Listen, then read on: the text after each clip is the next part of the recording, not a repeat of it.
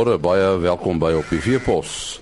Ons gaan vanoggend 'n bietjie meer hoor oor die Jacaranda skou wat in Augustus in Pretoria plaasvind. En dan oorwintering. Dr. François van der Vyver van Voormol, die gaan daaroor gesels. Dit is al weer amper Augustus en uh, hier in uh, Pretoria is dit natuurlik skou maand en ons gesels met Wim de Tooi van die Jacaranda skou wat uh, soos ek gesê het binnekort plaasvind. Wim, uh, dit is eintlik deesdae 'n uh, tamelike landbouskou, né? Nee? Dit is heeltemal reg en die, ons het dit heeltemal gedraai en ons fokus net op landbou, maar die hele sektor van landbou moet ek byvoeg. Goed, jy, jy sê nou 'n groot woord, die hele sektor van landbou. Wat alles gaan op die skou te sien wees? Ja, dit gaan my rukkie besig hou.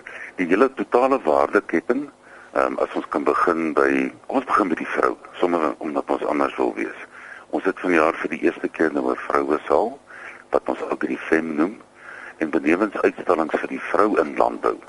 Is daar talle demonstrasies soos byvoorbeeld die hoe om wildstusse voor te berei, om boerpopvleis voor te berei, die veel ete groot stalletjie daar, daar's modeberades en nog 'n paar ander bak en brou en tuisnywerheid ehm um, aanbiedings dan ehm um, het ons ook saam met Wildlife Ranching South Africa vanjaar 'n baie baie nice ehm um, wildboer aanbieding vir bewese of bestaande wildboere as ook voornemende wildboere. Ons bied onder andere 'n konferensie en twee sluipskole aan, um, spesifiek gerig op voornemende boere of boere wat wil diversifieer in wildboerdery.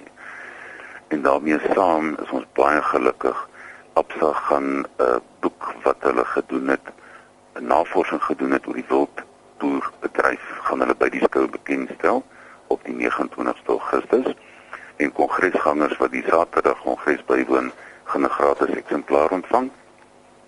Dan in Sal het ons die veeplaas statiese uitstalling, so wat 40 verskillende diere rasse, ehm um, hooplik 'n alpakatjie ook met 'n kleintjie en dan so 20 tal beeste en dan ook nog kleinvee. Ehm um, waar die verskillende rasse dan nou hulle verskillende rasse bevorder onder onder boere om te sê jy moet nou hierdie bil kies want daarmee gaan jy jou kudde nou die beste verbeter. Onderin sal jy ons SADC paviljoen uh, minstens 14 Afrika lande wat reeds vasgemaak is en daar's ook 'n wildboerdery uitstalling. En dan die buiteareas natuurlik wat die atmosfeer skep. Trekkers, implemente, pakkies alternatiewe energieoplossings, akwakultuur en dan die lewende hawe. Die een van die kenmerke van die skou, want as jy hier naby die skoutrein kom dan weet jy, die diere is hier. Ons het meer as 600 boerbokke.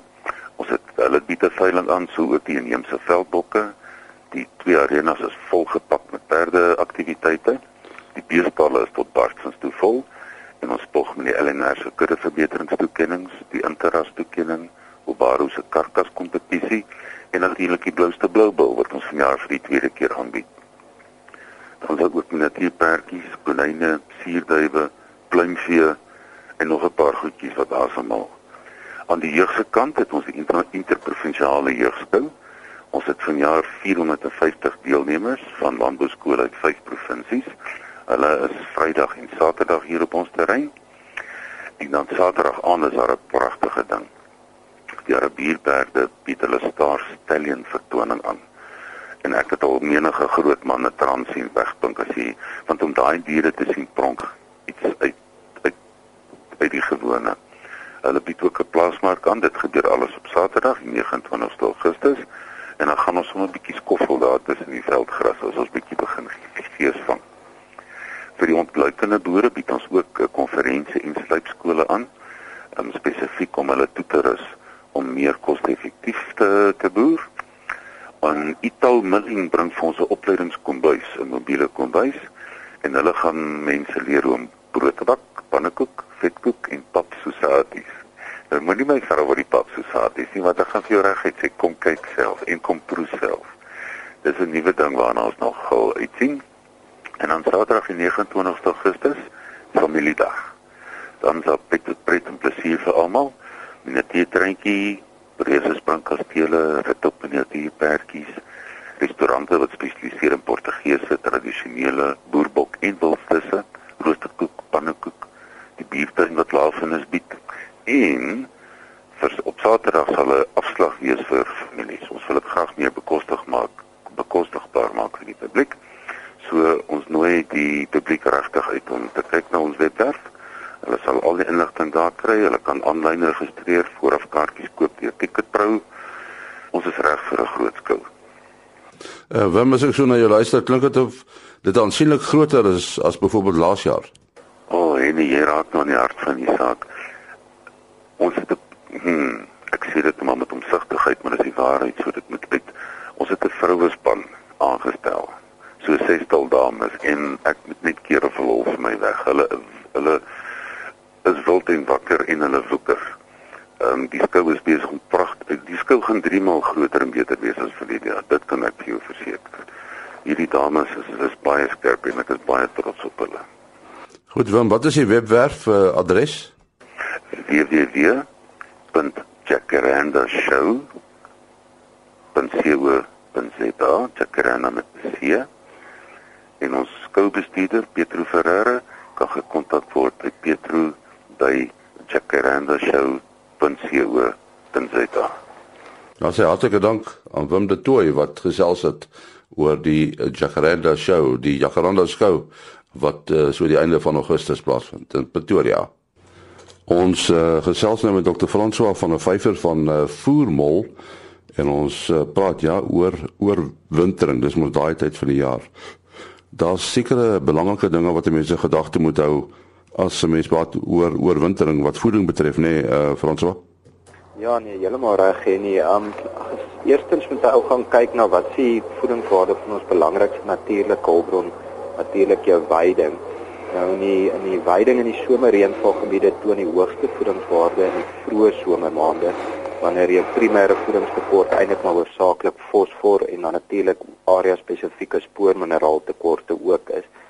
Nou soos wat die reenseisoen egter um, opbou in die jaar aanbeweeg na die droër wintermaande begin die voedingswaarde van die weiding as ook die beskikbaarheid van daai weiding verander, nê?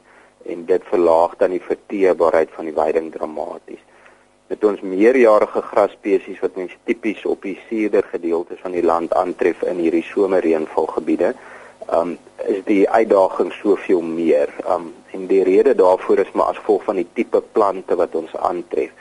Vir tipies is die plante hulle blomstadium bereik het gewoonlik hier in Desember, Januarie self, um begin hulle hulle voedingsstowwe translokeer na die wortelstelsel toe as 'n tipe van 'n spens. So hulle stoor dan daai energie in die in die wortelstelsel vir die daaropvolgende jaar om dan nou weer te kan groei. Nou die materiaal wat dan in daai geval bo op die grond agterbly, um en dan beskikbaar is vir die diere se voedingsbron is 'n baie swak voedingsbron want hy bestaan hoofsaaklik net uit strukturele koolhidrate.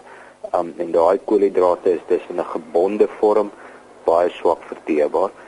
Verder is die proteïenwaarde van daai veiding laag, um en een om enige um wesenlike diereproduksie te bevorder, is daai tipe van winterveiding net eenvoudig nie voldoende nie. Dis maar waar die ou praktyk vandaan kom van die boere wat dan hooi maak, net dis 'n manier om daai um kwaliteit dan te preserveer voordat die kwaliteit afgeneem het.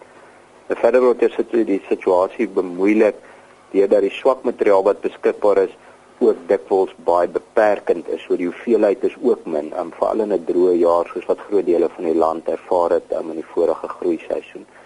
So die strategie vir aanvulling behoort te gefokus te wees op die aanvulling van net die beperkende nutriënte. So in somer weet ons is fosfor, maar in die winter begin dit nou um, dramaties verander omdat die verteerbaarheid en die inname van jou beskikbare materiaal baie laag is.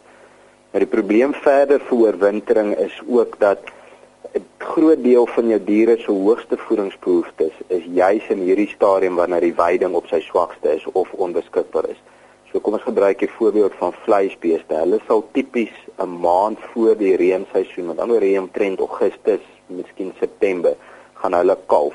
Dis hulle laatdragtigheidsstadium val saam met daai strawwe winterperiode wanneer die voedingswaarde van die veiding baie swak is. Net so met ons kal kalwers, um, die kalwers sal op stadium reeds gespeen wees en hulle dan 'n kritiese behoefte aan nutriënte om hulle volledig te laat uitgroei volledig te ontwikkel, 'n goeie groot raam te kry um sodat hulle uiteindelik 'n goeie produseerende dier raak of dan nou natuurlik beskikbaar maak raak vir die mark. Um skaapproduksiestelsels is bietjie anders in die sin van skry lente of herfslamseisoene of 8 maande stelsels so afhangende van die produksiestelsel by die skaapboerdery um kan 'n groot deel daarvan ook in die wintermaande saamval. So dit skets vir mense uh, 'n uh, prentjie van hoekom is as um, oorwintering so krities. En en, en as mens nou kyk na uh, dit wat uh, uh, enige tekort is, wat moet 'n mens aanvul? OK, so daar's ja, dis baie belangrik om die regte ding aan te vul want jy kry drie scenario's um wat wat kan plaasvind. Um die doelwit behoort te wees komplementêre aanvulling. Met ander woorde, jy vul net die beperkende voedingsstof aan ten einde die verteerbaarheid en die inname van die veiding te bevorder. Um in hierdie eerste scenario word bereik um deur die regte voedingsstof aan te vul en dit weet ons is NPN, nie proteïen stikstof. Want jou mikroorganismes in die rumen het eintlik 'n stikstofbehoefte. So as ons stikstof gaan aanvul vir daai mikroorganismes, stimuleer jy mikrobiese aktiwiteit en dit verhoog dus die kapasiteit vir dan van die rumen vir veselvertering en dit lei dan tot verhoogde inname van daai swak kwaliteit veiding. So jy kry 'n wen-wen situasie, meer rumen mikroorganismes plus dan 'n verhoogde inname weens die verhoogde verteerbaarheid. 'n Tweede scenario in wat wat ons kry met aanvulling is wanneer ons die beperkende nutriënte aanvul as ook addisionele voer ten einde produksiebehoeftes van jou dragtige of lakterende diere aan te kan voldoen. So net proteïen is nie voldoende vir produksie nie. So ons vul dit ook aan en dis wanneer ons dan begin praat van 'n produksielek, nie? So produksielek vol benewens jou um nie proteïen stikstof ook 'n redelike hoeveelheid natuurlike proteïen en energie aan as ook dan 'n hele klompie minerale. Um nou in die geval word geval word beide die vertering van die veiding bevorder en die um as ook voorsiening aan die voedingsbehoeftes van jou produseerende dier. So produksielek is ook dikwels bymiddels soos medikamente bevat wat mikrobiese funksies stimuleer. Dan die laaste scenario, dis die een wat ons ten alle koste moet vermy. Um, dis die geval waar ons die verkeerde voedingsstof aan aanvoer en dan kry ons substitusie. So tipies wat daar gebeur is ons gee die aanvullende voer of die byvoeding vir die diere en die diere eet dit in plaas van die veiding. So jy vervang net eenvoudig die inname. So dis waar ons byvoorbeeld graan aanvul op 'n swak kwaliteit veiding waar die die tekort eintlik proteïen is en nie stysel of energie nie. En dan kry ons 'n substitusie geval wat aan um, voorkom. Eh uh, François, jou telefoonnommer? Ehm um, enige ehm um, die die ehm um, inskakelers kan my enige tyd kontak op 032 439 5879. En met daardie bydrae deur Dr. François van der Vyver van Voormol, die einde van ons program. Maandagoggend is ons terug. Tot dan, mooi dag.